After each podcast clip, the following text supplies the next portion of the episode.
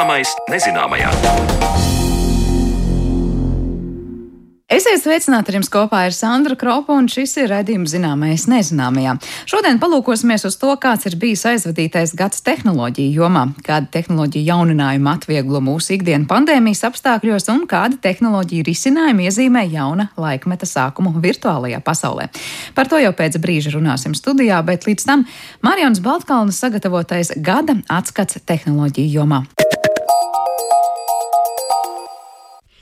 Mūsu raidījuma sižetos, neatkarīgi no tā, vai mēs runātu par vides zinātni vai vēsturi, bieži parādās vārds tehnoloģijas.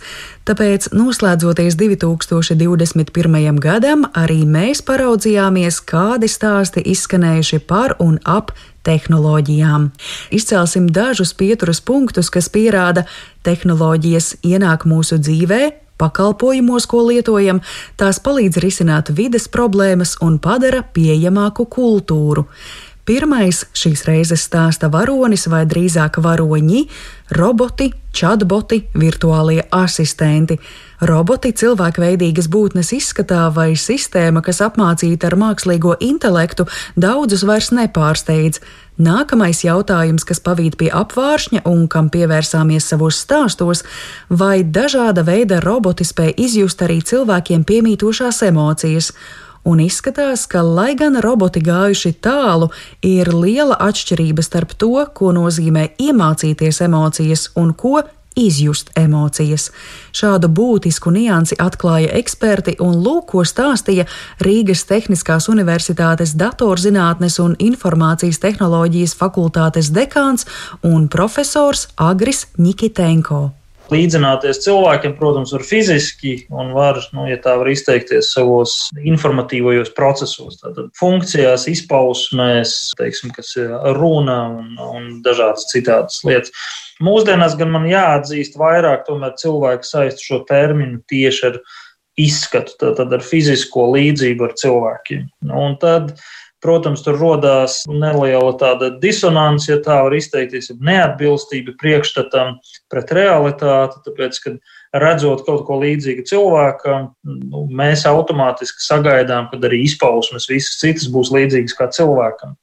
Bet, nu, diemžēl tehnoloģija vēl nav tur, ja tā var izteikties. Un, nu, mūsdienās tehnoloģija nav tik tālu gājusi, lai pilnībā atdarinātu cilvēku, uzturētu dialogus pilnvērtīgus, nu, tā kā mēs darām to šobrīd, piemēram, ar žestiem, ar mīmiku, ar to zināšanu bagāžu, kas mums ir un pieredze. Nu, tehnoloģija vēl nav tur. Nu, mašīnai, protams, nu, ir tie dziļi viltojuma tīkli neironu tīkli, jā, viņi spēj patiešām attēlot konkrēts, atdarināt konkrētas personas emocijas, to izpausmi. Tātad cilvēks it kā runā, pieņemsim, vai tas ir robots vai bilde, un šobrīd to spēj izmantot ar attēlu, kustīgi, nu, filmiņu faktiski noģenerēt. Un jūs patiešām uztversiet to, ka tas ir dzīves cilvēks un uztur ar jums dialogu, varbūt vai kā, bet pretī ir mašīna. Un, nu, zināmā mērā mēs varam teikt, jā, iemācīties emocijas var atdarināt. Vai tās ir tādas emocijas, kādas ir cilvēkā, ar tādām sekām un izpausmēm kā cilvēkā, nu, tādā elektroķīmiskā līmenī? Nu, noteikti, ka nē. Bet sākoties pandēmijai, daudzi uzņēmumi pielāgojās jaunajam režīmam un savus pakalpojumus nodrošināja attālināti. Lai tiktu galā ar klientu biežāk uzdotajiem jautājumiem, jebkurā diennakts laikā, kā rīks tika izmantots arī sarunu bots, datorprogramma jeb mākslīgais intelekts, kas attraktīva lodziņa veidā izlec jūsu acu priekšā, līdz ko esat atvēruši kādu mājaslapu. Sarunu bots jeb chatbots vēršas pie jums ar jautājumu, kā palīdzēt.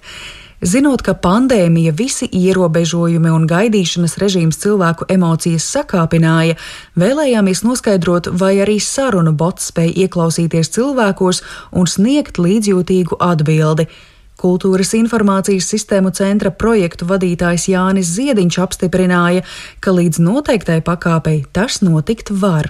Šajā brīdī vairāk tā darbība notiek tādā veidā, ka līdzīgi kā citas tēmas, arī šeit botam tiek apmācīts, ko atbildēt tad, ja cilvēks ir pateicis, ka uh, ir slikta atbilde, vai nolamājas kādreiz, vai lieto lamvārdus, vai kādas līdzīgas emocijas, ar kurām mēs saprotam uh, dusmas. Un, uh, tad, protams, tā bota viens no tādiem šobrīd uh, virzieniem ir vairāk, kad nevis mēģināt uh, ar lietotāju vai klientu diskutēt par šo konkrēto emociju, bet uh, mēģināt pateikt, ka varbūt uh, lamāties nav labi, varbūt es varu mēģināt palīdzēt jums citādāk, varbūt jūs noformulējat jautājumu savādāk. Tas ir tas pirmais solis uz šo emociju novēršanu labā virzienā.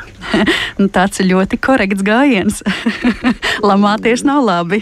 Protams, ka mēs redzam, jā, kad ir par sliktām atbildēm vai nepareizām atbildēm, ir šādi uh, komentārs. Uh, nu, kad uh, tu esi stulbs un neko neesi sapratis pareizi, un, un tāpēc ir kaut kādas problēmas. Bet bots uz to vienmēr pieklājīgi atbild un formulē, jā, kad uh, mēģināšu palīdzēt. Reizēm specifiski apmācīti boti var kļūt par platformu, kurā cilvēkam izstāstīt savu sāpi, jo sistēma, piemēram, prot ilgāk pagaidīt, kamēr cilvēks uzraksta savu sakāmo. Tomēr ceļš vēl ir ejams, lai sarunu bots varētu aizstāt psihoterapeitu. Un vēl Jānis Ziediņš ieteicis arī būt piesardzīgiem botu ieteikumos, īpaši emocionāla rakstura jautājumos.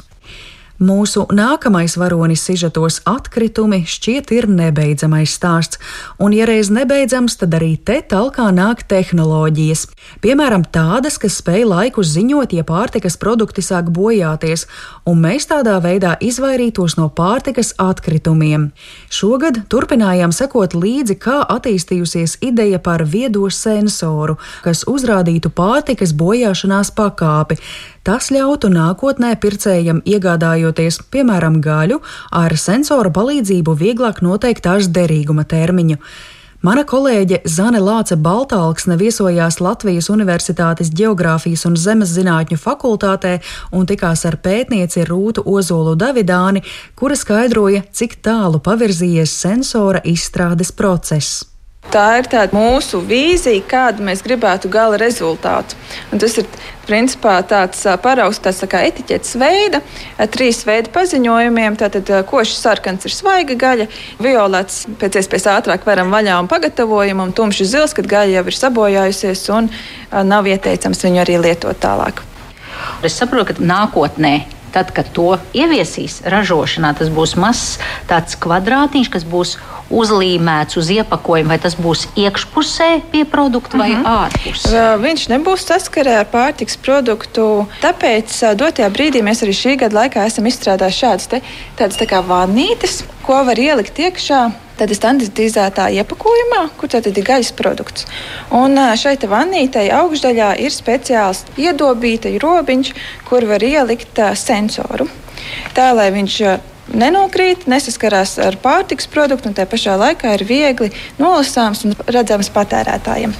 Dotajā brīdī šis ir tas izstrādes stadija, līdz kurai mēs esam tikuši, lai tālāk varētu testus dot un visus šos paraugus ar sensoriem dot piemēram kādam no šiem gaļas ražotājiem. Es lūkšu pastāstīt vēlreiz, jā, kā šis sensors, kā notiek tā miedarba, kā reaģē uz gaļas svaigumu, slīpsvītra nesvaigumu. Nu, sensora tā aktīvā viela, šie dabiskie pigmenti. Un dabiskajiem pigmentiem ir tāda īpašība, kas tātad maina krāsu atkarībā no vides pH. Un, svaigiem gaisa produktiem tā vide ir viegli skāba, bet bojājoties gan pats produkts kļūst sārmaināks, gan arī izdalās dažādas gāzes, kā piemēram amoniaks, kas ir sārmaina gāze. Un tātad šī vide kļūst daudz sārmaināka, un sakarā ar to arī sensors sāk noreaģēt. Nu, tad, kad sāk sadalīties lipīdi, daudz kas cits šajos mikroorganismos savairojās, tad tajā momentā arī sensors sāk nokrāsoties tumši zils.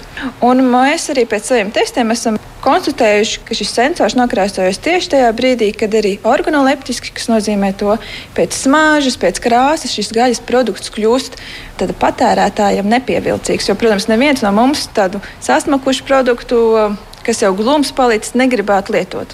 Bet no mikrobioloģijas viedokļa tas produkts joprojām ir lietojams. Tad tā mikrobioloģija nāk pēc tam tikai. Sensors nākotnē būtu izmantojams ne tikai svaigas un marinētas gaļas, bet arī piena un olas svaiguma pakāpes noteikšanai. Sensora testi turpināsies līdz nākamā gada vasarai. Turklāt vannītes gaļai, kas pieminētas nu pat izskanējušā sižeta fragmentā, iespējams veidot arī no videi draudzīgiem materiāliem, pat no tomātu kātiņiem. Vēl, ja runājam par atkritumiem, tad raidījumā esam aktualizējuši arī atkritumu piktogrammas. Tās varbūt gluži nesauksim par tehnoloģijām, bet par jauninājumu Latvijai pilnīgi noteikti.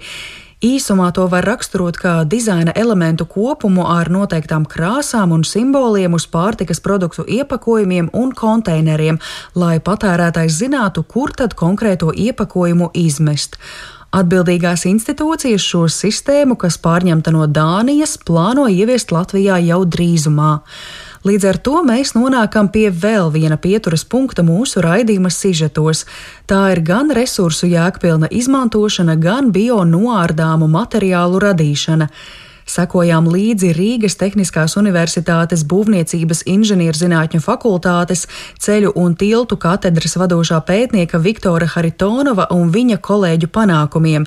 Viņiem izdevies nolietotas riepas pārvērst jaunā un labākā ceļa segumā, kas šoruden ieklāts Jelgavas novada Vilces pagastā. Vēl pavisam nesen attālināti paviesojāmies Igaunijā Sāremā salā, kur top vairāk kārt izmantojami dzērienu salmiņi no nezāles minerālēm, niedrēm, bet vēl stāstījām par bionoārdāmu polimēru no cukura un piena atliekām, lai iegūtu pārklājumu, kas ilgāk saglabās vaigas ogas un augļus un vēlāk noārdās apkārtējā vidē. Par šo pakavēsimies stāstā kopā ar kolēģi Zani Lāci Baltāksni un Latvijas Universitātes Bioloģijas institūta Rūpnieciskās mikrobioloģijas un pārtikas biotehnoloģijas laboratorijas vadītāju Pāvelu Semjonovu. Tātad mēs izmantojam e, šīs rūpniecības blakus produktus un e, izmantojot speciālās mikroorganismu kultūras, fermentācijas ceļā iegūstam biopolimērus. Viens no tiem ir bakteriālā celuloze. Visas šīs vielas, e, vai nu tīrā veidā, vai nu kompozīta materiālu sastāvā, var kalpot kā tradicionālu plasmasu aizstājēju. Un mēs redzam plēvi ļoti līdzīgu polietilēna plēvei. Caurspīdīga, es drīkstu pieskarties Jā, tā, šim paraugam. Nu, tāda pabieza, elastīga, caurspīdīga plēve. Jā. Bet tā nav plastmasa. Nē, tas ir absolūti bionoārdāms materiāls. Tā sastāvā ir tikai dabiskās izēvielas un to starp arī bakteriālā celuloze. Protams, mēs strādājam pie tā, lai šīs īpašības būtu pilnīgi atbilstošas fosilās izcelsmes plasmasu īpašībām. Ja? Neviens nenoliedz, ka šīs īpašības ir brīnišķīgas, bet diemžēl ja, mēs sastopamies ar vidas riskiem. Tā ļoti tēlaini izsakoties, es pieskaros plasmasai, kura agrāk ir bijusi piens daļa. Daļa no daļa, piena, jā, daļa, tā jā. var teikt. Jā. Tā var teikt un līdzās chatbotiem, sensoriem, biomateriāliem mums ir bijušas arī interneta platformas un digitāli rīki. Latvijas dabas fonda un Latvijas ornitoloģijas biedrības 2008. gadā izveidotajā portālā dabasdati.lv šī gada 31. janvārī tika fiksēts miljonais dabas novērojums bet pēc tam jūnijā aicinājām doties dabā ar vietālruni vai planšeti, lai meklētu gaļbiksītes un fiksēto skaitu kopā ar fotografijām pievienotu mājaslapā gaļbiksīte.lv. Savukārt digitālu materiālu krātuvi par vēsturi no vissenākajiem laikiem līdz mūsdienām izveidoja Latvijas Nacionālais vēstures muzejs. E-muzejā pieejamas virtuālas izstādes, tematiskās galerijas, muzeja izdevumi, video un audio ieraksti, kā arī izglītojošie materiāli skolām un ģimenēm. Šo tematu atsauksim atmiņā kopā ar muzeja vēsturnieku Tomu Čikutu un kolēģi Sintiju Amboti. Patiešām ir e, no vissenākajiem laikiem, no virtuālās izstādes, kas rāda mm, pasaules uzskatu un šos mākslas priekšmetus akmens laikmetā, un laikam jaunākā varētu būt Rīga Covid-19 pandēmijas laikā fotogalerija. Kā jūs jūtaties par nākotni, vai tā ir nākotne, ka viss būs šajā e-vidē arī muzeju dzīvē, vai tomēr ir kaut kādas neatņemamas, neatsveramas daļas, vai joprojām tajā arī fiziskajā muzeja apmeklējumā? Nu, pilnīgi noteikti, ka ir ārkārtīgi liela loma un paliks iespējams tieši tā lietiskā, oriģināla mm, sajūšanas, eh, ieraudzīšanas loma kļūst pat lielāka. Ja tātad tam digitālajam attēlam nonivelējoties, kļūstot nu, teiksim, miljonos mērāmam, ierakstot Google attēlā kādu atslēgu vārdu, nu, tad tas viens unikālais scenais prezentēts muzejā klātienē, varbūt tā autentiskums iegūst savu vērtību. Bet, protams, ka tajā pašā laikā varbūt nevienmēr var lolot šādu ilūziju, jo cilvēks atkal ir pieradis varbūt ļoti ātri iegūt šo informāciju, bet apmeklējums muzejā nevienmēr to dod, jo tur ir vajadzīga iedziļināšanās, nu, griba, vēlme saprast. Pat tad, ja tu esi atnācis līdz muzejam, ar to vēl nepietiek. Ja, tad tev ir jāļaujas tam stāstam, kas tiek stāstīts Tā kā es domāju, ka nu, tāda divējāda sajūta par šo oriģināla uh, lomu un klātbūtnes lomu nākotnē. Tāds ir bijis 2021. gads tehnoloģijās mūsu raidījuma sižetos. Un vēl tehnoloģijas ienāca arī mūsu ikdienas praksē, piemērojoties epidemioloģiskajai situācijai un ar sarunu viesiem lielā mērā tiekoties attālināti, telefona sarunās vai videokonferenču platformā Zoom. Sarunu klātienē gan emociju, gan labskaņas dēļ dators nevienmēr spēja aizstāt, tomēr jāatzīst, ka tehnoloģijas šogad pastiepa roku pretim, lai mēs savu darbu maksimāli varētu turpināt un dažkārt arī pārvarēt fiziskās robežas sarunām ar viesiem no citām zemēm. Paldies Marionai Baltkalnei par sagatavoto atskatu, bet turpinājumā pievēršamies tiem jaunpienācējiem tehnoloģiju jomā, kas lielā mērā noteiks mūsu dzīvi turpmākajos gados.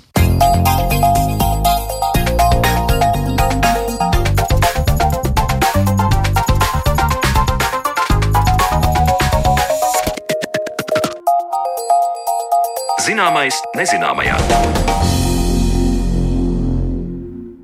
Patvērties no pandēmijas radītajām skumjām metaversā, sarunāties pa telefonu ar chatbotu, norēķināties kriptovalūtā un beidzot ikdienā lietot QR kodu. Šie un citi tehnoloģija apsvērumi jau ir mainījuši mūsu ikdienu un solās to darīt arvien vairāk arī nākotnē.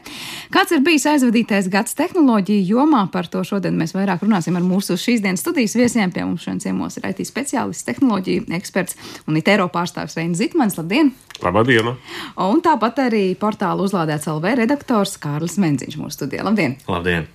Nu, ja mēs paskatāmies par to, kāds ir bijis šis gads, eh, atkal jau mēs sakām, pandēmijas zīmē un attālinātā darba un dzīves zīmē joprojām pavadīts, un tomēr vairāk tā kā veicinājis vai kavējis kaut kādu tehnoloģiju attīstību, un varbūt kurās jomās jūs noteikti šo gadu iezīmētu kā to, kur kaut kas ir pavirzījies uz priekšu, vai gluži otrādi gājis lēnāk kā plānots. Reini, varbūt sākšu ar tevi. Jā, uh, gads, kā mēs latviešu sakām, ir aizvadīts Bardaka zīmē, uh, un visās jomās uh, ir, ir, ir likumdošanā, ņemšanās uzņēmumiem, ir grūti saprast, ko darīt, ko nedarīt, ko drīkst, ko nedrīkst.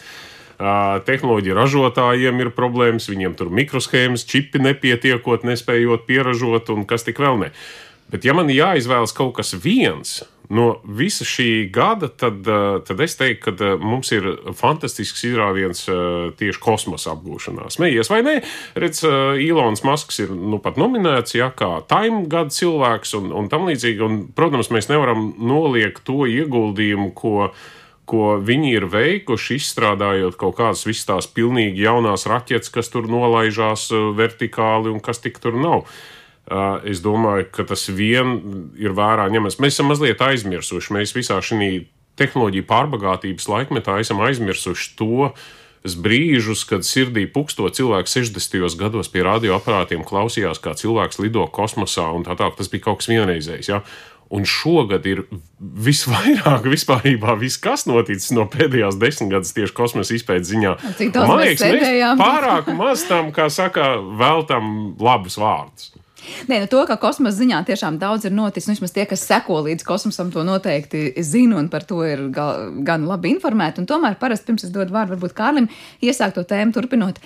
Mēs gaidām, nu, kur tās tehn tehnoloģija izrāviens kosmosā dos to mūsu pienesumu šeit, pat kā saka, uz Zemes un ikdienas dzīvē. Vai tas, kas šogad kosmosa industrijā ir noticis, ir kaut kas tāds, kas solās nu, kaut kā grandios pamainīt to, kā mēs ikdienā kādas tehnoloģijas un labumus lietosim? Jā, jo tas viennozīmīgi ir nākotnes solis transportā kā tādā. Es domāju, ka katrs šis risinājums, kas spēj pārvadāt cilvēkus vai kravus tur kaut kur kosmosā, viņš dod ļoti lielu arī pienesumu aviācijai un, un, un citiem kaut kādiem loģistikas risinājumiem un tā tālāk.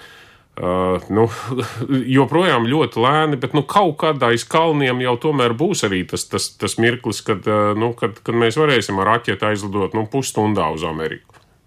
Jā, nu, redzēsim, kad tā nākotne pienāks, bet, nu, laikam, runājot par tehnoloģijām, daudz kas ir tuvāk nekā mēs parasti mēģinām vispār par to sapņot un runāt. Kārli, varbūt pirms mēs ķeramies klāt pie konkrēti, varbūt arī tehnoloģijām, transporta jomā, kas šis gads būtu vērtējums, kurā virzienā gaidītais izrāviens vai atkal gluži otrādi kaut kāda lēnāka kustība. Un Bardaks, kā Reinis teica, kurā varbūt.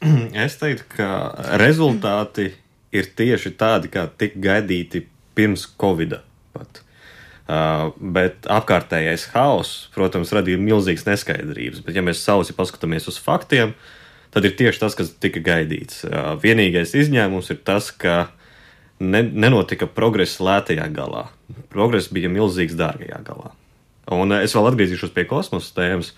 Tas mums visus cieši ietekmē, kaut vai, ja mēs skatāmies Ilona Maska personībā, ka viņam ir šis kosmosa uzņēmums, kas saucās SpaceX. Uh, Un viņš uzreiz pasaka, ka tās tehnoloģijas, kuras mēs izmantojam SpaceX, mēs izmantojam arī Tesla. Un tad mēs varam jau virzīt tālāk, ka autoindustrijas attīstība arī ietekmē visas pārējās industrijas, kā teiksim, bija Mercedes formulas inženieris, kurš aizgāja ražot uh, saldētavas. Un viņš panāca efektivitātes uzlabojumus par 50% viena mēneša laikā. Un tas ir tā vienkārši neaptverami, kā viņš jau no formulas zināšanām pārgāja uz leduskapiem un tad spēja tās efektivitātes principus pielietot mūsu ikdienā, kad mēs aizējām, teiksim, uz Rīgā, iepirkt saldētavā, tur produktus esošos. Īstenībā tas jau mūs ir ietekmējis. Jā, tas, kā mēs jomas pat dažkārt nespējam sasaistīt kopā, kas ko ietekmē, bija tāds piemērs par to pašu zūmu. Proti, ka nu, vēl pirms tam pieciem gadiem neviens neiedomātos, ka lielākais konkurence avio industrijai šodien patiesībā izrādīsies kaut kas, kas vispār ar aviāciju nav saistīts, jo zūms ir diezgan, nu, kā saka, iz, izēdis no tās vietas. Dažkārt tur, kur mums būtu jālido, vai mēs lidotu, bet izvēlamies nelidot. Tā kā tas pieejams bez maksas. Jā, Jā jo ne? īpaši biznesa klasi. Tieši tā. Runājot par transportu, kas šogad ir noticis eh, elektroautorāta pasaulē, varbūt ar kādu izrāvienu tajā dārgajā galā, tas, kas ir noticis? Jā, jau iepriekš minēta uh, mikročipu problēma, vai pusvadītāja problēma precīzāk. Tā, tas ir ietekmējis to, ka lētais gals automašīnām vienkārši netiek apgādāts ar čipiem, ka autoražotāji koncentrējas uz dārgajām mašīnām, kas nes lielāku peļņu. Tad būtībā to ar mazāku apjomu iegūst to pašu peļņu, kāda būtu cit, citkārt. Tas ir tas pirmais, un tas automātiski nozīmē, ka tiek ražots luksus gals un elektroautorāta. Un tas nozīmē, ka tādas tautas klases, tur nezinu, Volkswagen Lupo vai Dacia Duster, ka viņi mazākas ražošanas ir kas atkal mēs gribētu, lai būtu aizvien lētāk tie elektroautori, vai atkal šī pusvadītāja problēma neļauj to, lai gan bateriju cenas ir kritušās drastiski. Kaut gan pat, pat šogad ir nedaudz pieaugušas salīdzinot ar to, ko sagaidīja. Un, uh, Pēdējais tāds lielais notikums šajā gadā, kas, ja mēs teiksim, šogad uzsākām ar to, ka Volkswagen paziņoja, ka hei, viss elektromobilitāte tikai uz priekšu, uh, tad šogad mēs varam noslēgt, ka Toyota paziņoja to pašu. Un no Toyotas to neviens negaidīja. Jo Toyota līdz šim bija tikai hibrīdi un ūdeņradis. Tas ir vienīgais virziens. Un tagad viņi pateica, nē, aizmirstiet par hibrīdiem, aizmirstiet par ūdeņradi, būs elektroautorāta. Ko tas tālāk nozīmē turpmākajiem gadiem, nu, tiem varbūt, kuri nav gatavi braukt ar to luksus klases gala auto? Vai mēs tomēr varam teikt, ka nebūs tik plānot, nu, tāda kā mēs sakam, nu, pie, augsts pieprasījums, būs lētāk un pieejamāk šie elektroauto visiem? Mēs tomēr patiesībā atgriežamies kaut kādā mazliet tā kā, nu, ne, neteiksim, stagnācijas varbūt periodā, bet tādā nu, rezerves periodā uz to, ka nu, nu, visiem, šis jā. ir pārējoša problēma, teiksim tā, jo autoindustrija šī pusvadītāja krīze parādīja, cik viņa ir novecojusi, atpalikusi tīri tehnoloģiski. Jo spēlīšu konsoļu ražotāji vēl ilgi netika ietekmēti uz šo krīzi. Tāpēc parastais cilvēks, kurš, teiksim, pirka Xbox, viņš pat nezināja par to, ka mašīnām pietrūkst tās pašas mikroshēmas, kas ir iekšā šajās spēļu konsolēs. Un tad parādījās tas, ka autoindustrija novecojas un ātri ir jāmainās, un uzvarēja tie, kas ātri nomainīja savas tehnoloģijas. Viens piemērs jau iepriekš minētā Tesla, ka viņi no pusvadītājiem pārslēdzās uz mikroslēdžiem. Vai tas iezīmē arī, piemēram, nu, nezinu, nākamo gadu daudz cerīgāk, ka tie, kas atkal laikus pārorientējās, būs... tas iezīmē, ka mēs esam lielu pārmaiņu priekšā, un ta, un tādu pārmaiņu priekšā vienmēr lietotājs ir uzvarētājs. Tas nozīmē, ka mēs varam sagaidīt, ka kāds no lielajiem brendiem pazudīs un parādīsies kāds jauns, labāks brends. Runājot mazliet par citu lietotājiem, proti, virtuālajā vidē, nu daudz, man liekas, ka šī gada beigās vairāk sāsinājās šīs runas ir par šo te metaversu, proti, ļoti nu, tādu interesantu parādību, kurā liekas no vienas puses nu, bail paliek domāt, kā cilvēki dzīvos, ja viss būs tik ļoti balstīts eh, virtuālajā realitātē un tajās sociālajās mūsu. Var teikt, nu, tīklu dzīvē, tajā pašā laikā nu, ieguvumi arī tīri tehnoloģiski būtu varbūt cilvēkiem, kas ir ar dažādiem kustību traucējumiem, funkcionāliem traucējumiem. Reinis, lūkšu izstāstīt vispirms par pašu ideju, kas ir šis metavers un kāpēc tieši šogad mēs par to vairāk esam sākuši runāt un domāt. Jā, uh, metavers ir. Uh virtuālā neīstā paralēlā pasaule, kurā cilvēkiem mums arī piederēs uh, lietas, būs savi pienākumi un kaut kādas tehnoloģiskas iespējas izdarīt kaut kādas lietas vai procesus, kurus šobrīd mēs labākajā gadījumā darām internetā. Šogad mēs runājam par to faktiski tikai un vienīgi Facebook dēļ, jo Facebook, neskatoties uz to, ka arī Facebook un pārējie IT risinājumu piegādātāji strādā pie šīs virtuālās realitātes un papildinātās realitātes un rada šīs virtuālās pasaules. Facebook vienkārši nomainīja savu kompānijas, jeb uzņēmumu juridisko nosaukumu kā zīmolu uz meta. Jā, tādējādi, nu, jā, jā, pasvītrojot saka, savas ambīcijas, jā, ienākt iekšā šajā vai vismaz turēt kursu uz priekšu. Vai tas mūs ietekmēs slikti? Nē, vai mēs pārvērtīsimies par zombijiem ar podiem galvās, ar virtuālām brillēm, kas tikai sēdēs metaversā un nekāps ārā.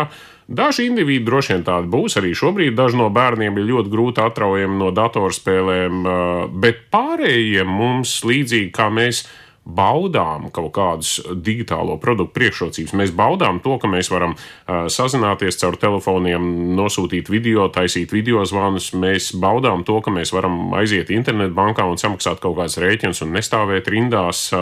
Mēs varam mazāk izmantot tos pašus pasta pakalpojumus un tā tālāk.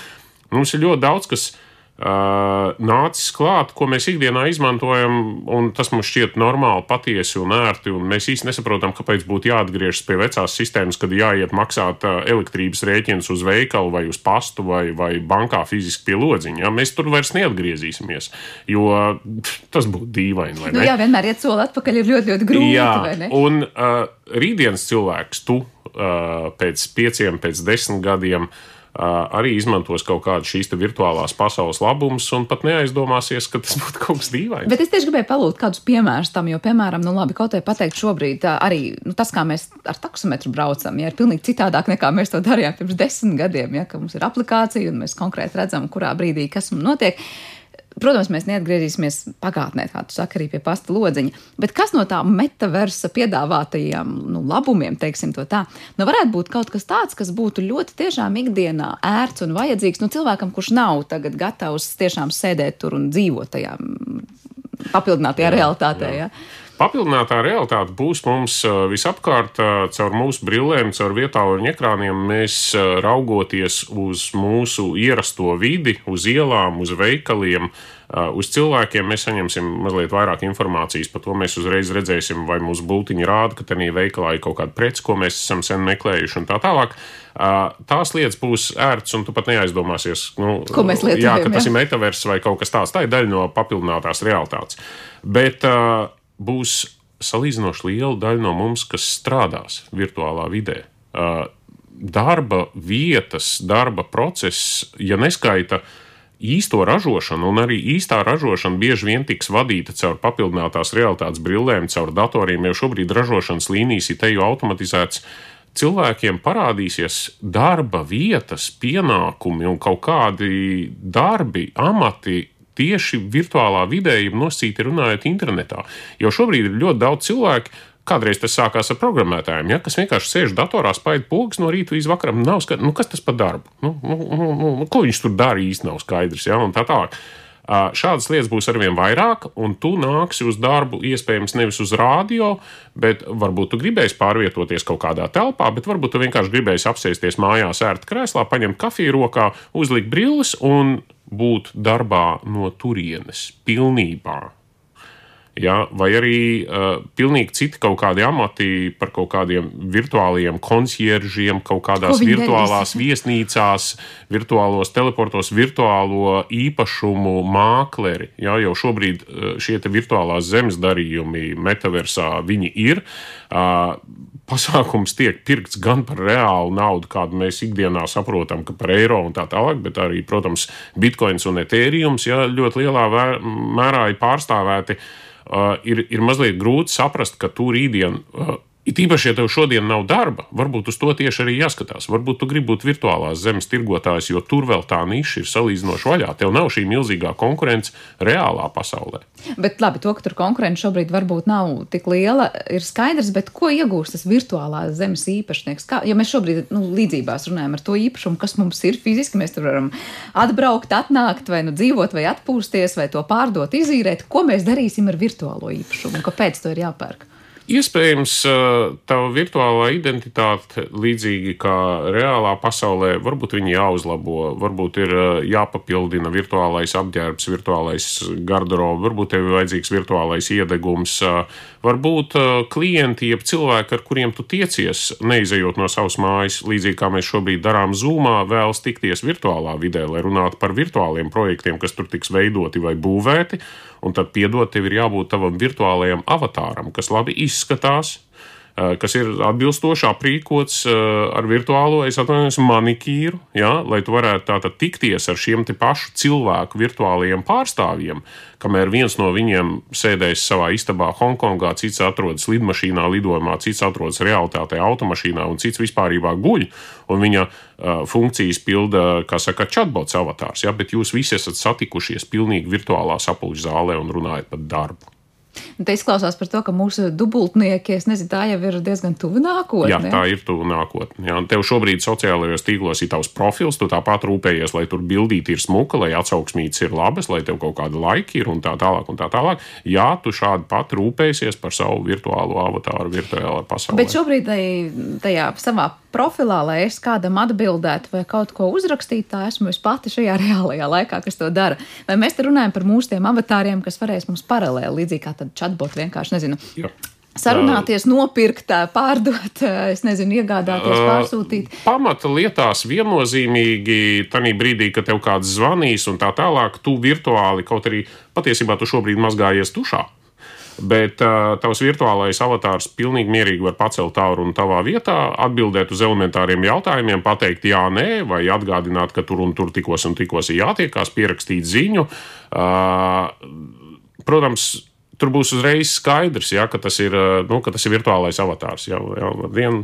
nu, līdzīgi kā šobrīd mēs runājam ar Jā, čau, Reins, es īstenībā šobrīd neesmu, bet uh, šeit ir mans virtuālais atspūgs, uh, ko tu vēlējies man piezvanot. Nu, mēs vēlējāmies piedāvāt jaunu kaut kādu telekomunikāciju pakalpojumu. Aha, mēs šobrīd izmantojam to un to, ko jūs piedāvājat, to un to un to, par cik lūdzu, par tik. Paldies, es saimniekam nodošu. Atā. Var teikt, jā, tiešām mūsu virtuālie asistenti ir tie, kas. kas, kas es vēl gribēju piebilst, ka šis arī ļaus. Uh, darīt lietas, ko citādāk nevar darīt. Un šeit es nedomāju, ka mēs, ka, kas varētu arī tās lietas darīt, bet, teiksim, cilvēki ar invaliditāti, ka viņi spētu, nezinu, pēkšņi jāt ar pūķi, kas citādāk realitātē nebūtu iespējams, vai aiziet, pastaigāties. Teorētiski tas varētu pat simulēt mums emocijas vai izjūtas, kā tas notiktu realitātē. Jo ir arī cilvēki, kas neredz krāsas, un pēkšņi viņiem šādi implantētu krāsas, un viņi piedzīvo to pasauli. Tas, protams, var radīt savas sekas, bet tas paver iespējas.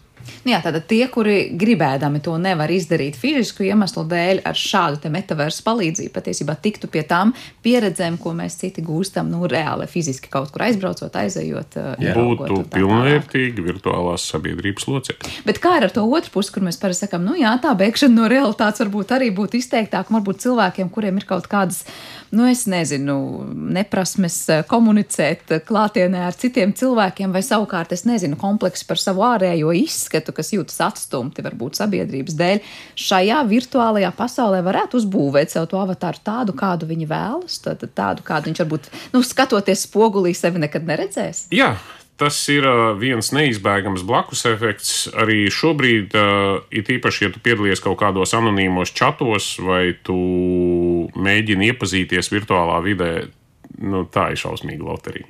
Tu īstenībā nezini, vai tas cilvēks ir īsts, vai tas ir sieviete, vīrietis, suns vai gliemežs, sakot, runā, jā, vai, vai, vai, vai, vai tas ir bērns, jā, kas tev cenšas āzēt. Tu nezini, kas tev īstenībā ir pretī. Un no šī viedokļa uh, varbūt tās kaut kādas jauna etiķete vai jaunas sarunu pieklājības normas vai komunikācija normas gan varētu tapt. Neizbēgami, jā, tam kaut kam būtu jābūt, jo īstenībā tu nezini virtuālajā vidē, vai tu tiecies īsti, tiešām, patiešām ar sievieti vai ar vīrieti Mums arī šobrīd ir ļoti daudz viltus sociālo tīklu profili, un nu, nav jau noslēpums, ka cilvēki cenšas mazliet piepušķot to savu dzīvi sociālajos tīklos. Nē, nu, cita lieta, kamēr viņi piepušķo dzīvi sociālajos tīklos, un tad, nezinu, tiekas, netiekas reālajā dzīvē, un tad ir tā reāla aina. Bet es saprotu, ka metaversa gadījumā viens tāds sociālā tīkla cilvēks ar otru varētu tikties, es nezinu, šobrīd Lasvegasā vai Aļaskā vai, es nezinu, Sahāras tuksnesī un reāli liksies, ka viņi ir konkrētajā vietā un laikā, bet patiesībā ar, nu, tiem saviem avatāru izskatiem, kāda nu, viņi būs uzbūvēti. Tieši tā tas arī būs. Cita lieta, kad mums priekšā vēl ir tehnoloģijas, kas palīdz sniegt šo te māņu atgriezenisko saiti. Jā, mēs šobrīd varam uzvilkt virtuālās brilles, mēs varam uzlikt austiņas, mē, mūsu uh, tiek kairināts mūsu redzes uh, un mūsu dzirde. Bet tas ir arī viss. Mēs šobrīd īsti vēl nejūtam. Mēs nejūtam virtuālo vēju, mēs nejūtam virtuālo jūru, mēs nejūtam virtuāli viens otru, mēs nevaram pieskarties viens otram. Es ticu, ka uh, tad, kad tas atnāks, tad gan varētu iezīmēt mazliet citas pasaules sākumu. Jā, vai ne? Un tad no tā metaversa laikam tik viegli daudz arī varbūt neizkāps. Ja iedomājos, nu tad varētu būt, ka kāds robots vienkārši piegādā, nezinu, virtuāli izvēlēto ēdienu tieši tajā brīdī, kas smaržo tā, kā vajag. Un es saprotu, robots kā ēdienu piegādātājs jau šogad sev arī ir pieteicis, vai ne? Igaunijā vai kur tas ir? Nu, kur tā no šogad? Nu, Starships jau, jau krietnu laiku. Jā, šogad vienkārši ir ļoti daudz video, kur viņi nabaga tie robotiņi cīnās Iespūri, ar sniegu. Citus gadus laikam sniega nebija arī Tallinā. Bet, uh, Nē, Starships, Starship Enterprises ir, nu jau, es negribu samelot, vismaz sešu gadu vecs uzņēmums.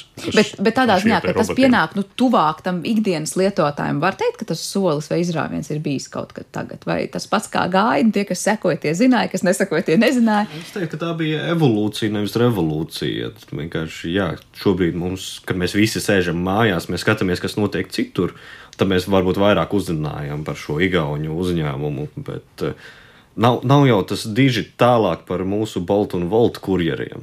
Tas vienīgā tā atšķirība ir, ka mums izzūd viens posms, ko mēs nekad negribam arī satikt, kas ir kurjers. nu, tas fiziskais cilvēks. Un tas, tas ir arī viss. Jā, Covid dēļ, protams, šī, šie biznesi uzplauka. Bet, nu jā, Volts un Bolts jau arī ir Igaunijas somu uzņēmumi. Jā, tur jau, kā saka, tāds viņi ir iemīti. Runājot par to, lai uzturētu visu to iepriekš runāto metaversu, nu, var teikt, tādā darba kārtībā, nu, tur taču ir ļoti, ļoti liela resursa vajadzīga. Es domāju, tīri arī no, no tā, cik to datu tur vajag un kā viņus vispār tur uzturēt, un, un, un es nezinu, no enerģētikas arī jomas domāju, jo tas nav tā, ka, nu, visas šīs idejas, kā mēs pārvāksimies dzīvot uz metaversu, beig beigās daudz mums izmaksās tajā, nu, fiziskajā resursu plānā. Nu, tad jautājums ir, ko viņi atsver nost nost, vai tas ir pieliekot pie klāta esošā patēriņa, vai tas ir noņemot jau nost kaut ko esošo. Teiksim, mums tagad vairs nav jādodas uz darbu. Tas nozīmē, ka degvielu mēs mazāk patērējam un laiku arī savā ziņā. Bet tā kā mēs mājās patērējam vairāk elektrību, tur varbūt kāds tagad iet ilgākās dušās vai vannās. Uh, nu, te ir jāskatās, kāds ir tā, tā kopaina. Ja datu apstrāde prasa enerģiju, es pieļauju, ka te vēl ir daudz ko uzlabot, algoritmus labākus izstrādāt. Arī ko daudzi sauc par AI, kas īstenībā ir, uh, ja dara tā, tad dara tā. Nevis ka kaut ko pats, pati mašīna izdomā, tad tur vēl ir daudz ko uzlabot. Uh, Un tas ir otrs aspekts, ka mums īstenībā aizvien vairāk atjaunojama energoresursi kā tādi tiek apgūti. Mums ir milzīgs potenciāls tepat Latvijā apgūt vēja enerģiju. Ne tikai uz sauszemes, bet arī jūrā un līcī, kas mums vienkārši šobrīd netiek darīts. Tie pārpa desmit gadus vecie projekti mums šobrīd vienīgie. Un varētu arī teikt, ka Latvijā nav saules ražošanas kā tādas industriālās. Labi, ziemā mēs varam teikt, ka mums nav pietiekami daudz saules, bet ziemā ir lielāki vēji. Un uh, hidro mums būtībā ir izsmelts, uh, varam uzlabot esošos, bet tur nu, nebūs lieli lēcieni. Un tad atkal jautājums ir, ko Igaunija un Lietuva darīs, jo mēs esam visi savienoti tomēr vienā bļodā. Bet runājot par to, kā nu, ar atjaunojumu enerģiju virzienā esam šogad, nu, cerīgāk paspēruši kādu soli, klimata samits arī mums vairāk piesaka to, ka, nu, atteiksimies noteikti no akmeņogliem jau, nu, cik tuvā nākotnē vairākas valstis pat ir apņēmušās to izdarīt. Vai mēs varam teikt, ka, piemēram, nu, lietotājiem draudzīgāks būs kaut vai viss tas, ko mēs zinām par saules baterijām vai saules enerģiju? Globāli, jā. Tas noteikti mums ir milzīgi soļi bijuši pēdējos divos, trīs gados bijuši kopš Parīzes klimata pakta noslēgšanas būtībā ir bijuši milzīgi lēcieni šajā virzienā. Pat Polija ir atteikusies no ogļu izmantošana, kas ir Polija ir ogļu kā, nu, lielākā valsts, nu, tā procentuāli, ja tā skatāmies. Otra lielākā tas sanāk, ir Ķīna, kas arī pateica, visu mēs slēdzam ciet savus jau netapušos projektus. Un Ķīna atkal to redz, ka viņi var būt uh, nu, kā teikt, China first, ka viņi var būt pirmajā vietā pasaulē. Tāpēc arī elektroautorāta tirgus šobrīd ļoti piesācinās tieši Ķīnā. Nu, Norvēģijā vēsturiski ir, bet tieši Ķīna ir lielais izrāviens, jo viņi redz, ka viņi var ielikt Amerikai. Nu, Krievi vispār nespēlē šeit spēli. Viņi nezina, kur sēž. Bet, uh, jā, Ķīna redz, ka re, tajā, šādi viņi var ielikt Amerikai un būt paraugs visai pārējai pasaulē. Eh, liela daļa pasaules ir uh, sapratusi, ka ir jāatgriežas pie atomenerģijas. Mm, zaļā enerģija ir lieliska, bet uh, tas, tas viss notiek mazliet pa lēnu. Es atceros, iespējams, tas bija 2001. gads, kad es uzrakstīju presē rakstu par sociālo tīklu ietekmi uz cilvēkiem un uz vispārējo enerģētisko ainu, toreiz tā likās mazliet dīvaini, jā, teiksim, raudzīties uz to šādā aspektā. Bet, protams, tas bija tas sprādzienu laiks, kad cilvēki sāk ģenerēt saturu. Līdz tam bija kaut kādas mājaslapas un tā, bet cilvēki vēl neģenerēja saturu. Šobrīd cilvēki ģenerē ārprātīgi daudz satura, sociālajie tīkli ir pilni ar bildēm, ar video. Protams, tas viss kaut kur glabājas, serverē elektrību, cilvēki lādē savus telefonus nepārtraukti ar katru gadu pasaule kļūst energorīgāka. Uh, Protams, var tikai apsveikt Maska plānus, būvēt milzīgas rūpnīcas, aprīkot to visu saules enerģiju. Un, protams, viņš arī at, aprēķinājis, ka rekur, rekur tev ir Sahāras tūkstnesis. Rekur, tur nu, tik un tik tāds maziņš pleķīts, uzliksim tur visu draudzīgi, visu pasaules valsts saules baterijas, un mēs būsim nodrošināti. Uh, Es neticu, ka tas notiks gluži tādā veidā, bet es redzu, ka pasaule pārāk ātri noliec no atomenerģijas, jo, diemžēl, nekas nav efektīvāks par turbīnu. Šī grieze saražo visvairāk elektroenerģijas. Mēs to redzam Hesos, mēs to redzam turbīnās. Saules enerģija ir labi, viņa paliek ar katru gadu pieejamāka, mazliet efektīvāka un tā tālāk, protams, atkarībā no platumgrādiem un tā. Uh, Bet uh, zaļā enerģija, kā, kā, nu, kā tāds jauks mērķis un lozungs un tā tālāk, Viņš ir visiem, kā saka, sabiedrības priekšā, un viņš noteikti ir katras enerģētikas konferences pamatā, kā, kā saruna temats un tā. Bet šobrīd vēl pasaule nevar mānīt sevi, mūsu energoēdelība un viss tas lielais un melnais, ko mēs dedzinām ikdienā, lai saražotu šo enerģijas apjomu. Viņš vēl, nu, zaļā enerģija vēl netuvojas tiem pat tuvu ne tiem apjomiem, ko mēs gribam un ko mēs pēc diviem gadiem patērēsim. Jautājums, vai kamēr mēs sakām, mēs nevaram atteikties, jo vēl nav tie apjomi, ko gribam, mēs virzīsimies pietiekoši ātri tā zaļās enerģijas virzienā, lai nav tā, ka mēs sakām, mēs vēl nevaram atteikties, bet kamēr mēs nevaram no atomenerģijas atteikties, mēs nu, nevaram to izrāvienu dabūt aiz zaļajā. Jā, protams, ir ļoti daudz dažādas iniciatīvas. Redz, ko bankas investē zaļajā, ja tev ir jābūt kaut kādai zaļai komponentei visādos Eiropas projektos un tā tālāk. Un tā tālāk. Jā, tas tiek darīts ar dažādu iniciatīvu palīdzību un ar likumdošanas palīdzību. Mēs tiekam spiesti tādā virzienā virzīties. Taču mazliet iztrūka šī otra daļa, kaut kādas arī nu, cilvēku izpratnes par to, nu, cik mēs īstenībā tērējam un vai, vai, vai nu, cik ātri mēs varam tur nonākt, kur mēs vēlamies. Jā, es esmu zaļās enerģijas piekritējis, bet cena šodien ir nenormāli augsta. Un to, cik ļoti mēs tērējam, tas tiešām mēs neaizdomājamies, ka katra mūsu WhatsApp bilde un ziņa un video un viss kaut kur tas patiesībā ēd šos resursus. Nu, visi tie ārprātīgie datu centri, kas šobrīd ir izkaisīti vispa, visā pasaulē, un viņi būs arvien vairāk un metaversa. Na, tas nav slikti, tas ir nenovēršami. Cita lieta, ka mēs neesam to pagaidām vēl nopelnījuši. Jā, mēs joprojām dedzinām vairāk nekā mēs jēgpilni no tā gūstam. Un tāpat arī to metaversu es iedomājos. Nu, tā būs kārtējā tehnoloģija, kur mēs teiksim, nav ne laba, ne slikta. Jautājums, kā viņu lietosim. Ja? Un tas būs līdzīgi kā ar mobilo telefonu. Mēs varam baudīt visus savus labumus, bet mēs varam tur atkarībā sēdēt visu dienu un nedzīvot savu dzīvi un teikt, ka mobilais telefons ir slikts. Un droši vien metavers arī, ja mēs tajā pārvāksimies uz dzīvi. Nu, cilvēks ir patērētājs un viņam patīk šīs lietas, un visas šīs tehnoloģijas ir radītas pamatā tomēr izklaidē un patēriņam. Nu, vienalga, nu, brauc trolejbusā vai autobusā, stāvi, nesēdi. Visiem cilvēkiem cilvēkiem rokās, kas sēž uz telefona. Nu, paskaties, zinkārības pēc, nu, kas tajā ekrānā ir. Nu, pusē gadījumā spēlītas, sociālie tīkli, varbūt kaut kāda internetu veikala. Uh, es neredzu, ka kāds lasītāja grāmatiņu. Nē, neredzu. Pārsūtīt vai atbildēt e-pastiem. nu, es teiktu, ka viens jau no atradīsies. Jā, kāds, kurš ar savu virtuālo asistentu sāk darboties. Labi, mums, diemžēl, jāliek punkts sarunai, bet pavisam, pavisam īsies pie tā, ko Reins tikko teica, atsaucoties uz to satura radīšanu 2000. sākumā. Ja? Tā ir tiesa, ka mēs šobrīd atrodamies uz tāda nu, liela pārejas punkta, līdzīgi kā tajā 2000. sākumā, kad tā saucamais Web 1 un Web 2 mainījās. Protams, ka mēs sākām atgrieznisko saiti radīt saturā, un mēs varējām nevis tikai lasīt mājaslapas, bet arī atstāt komentārus, saglabāt informāciju un atgriezties pie tās ka šobrīd notiek liela revolūcija tajā, kā tiek uzglabāta un tiks uzglabāta informācija. Kā, Ko tas mainīs? Kā mēs varam rādīt, Web 3.0 un Web 4.0 stāsti par struktūrēto saturu arī ļoti lielā veidā, tāpēc, ka mēs vairs Mēs arvien mazāk patērēsim internetu saturu, vienkārši atverot datorā ekrānu, ierakstot www kaut kas kaut kur LV, un tad kaut ko mēs tur lasīsim un tā tālāk. Nē, šīs iekārtas, vietāruņi, viedās brilles nenovēršam, viņas paliek arvien proaktīvākas un viņas mācīs. Uh, dabūt ārā to daļu satura no tās mājaslapas, ārpus paša mājaslapas satura, ārpus, ārpus dizaina, ārpus kā tam visam jāizskatās, lai spētu piedāvāt mums šīs atsevišķās informācijas vienības.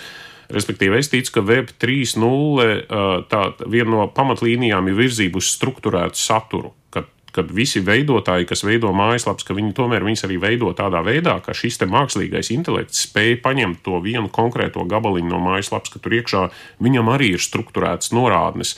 Datora mākslīgā intelekta līmenī, kā tev būs patērēt šo informāciju, ja tu esi robots. Es tieši gribēju prasīt, ko tas patērētājiem mainīs. Vai tas būs tā, ka patērētājs ir reāli, nu, es nezinu, chatbots, robots un vēl kaut kas cits, kā mēs to sauksim.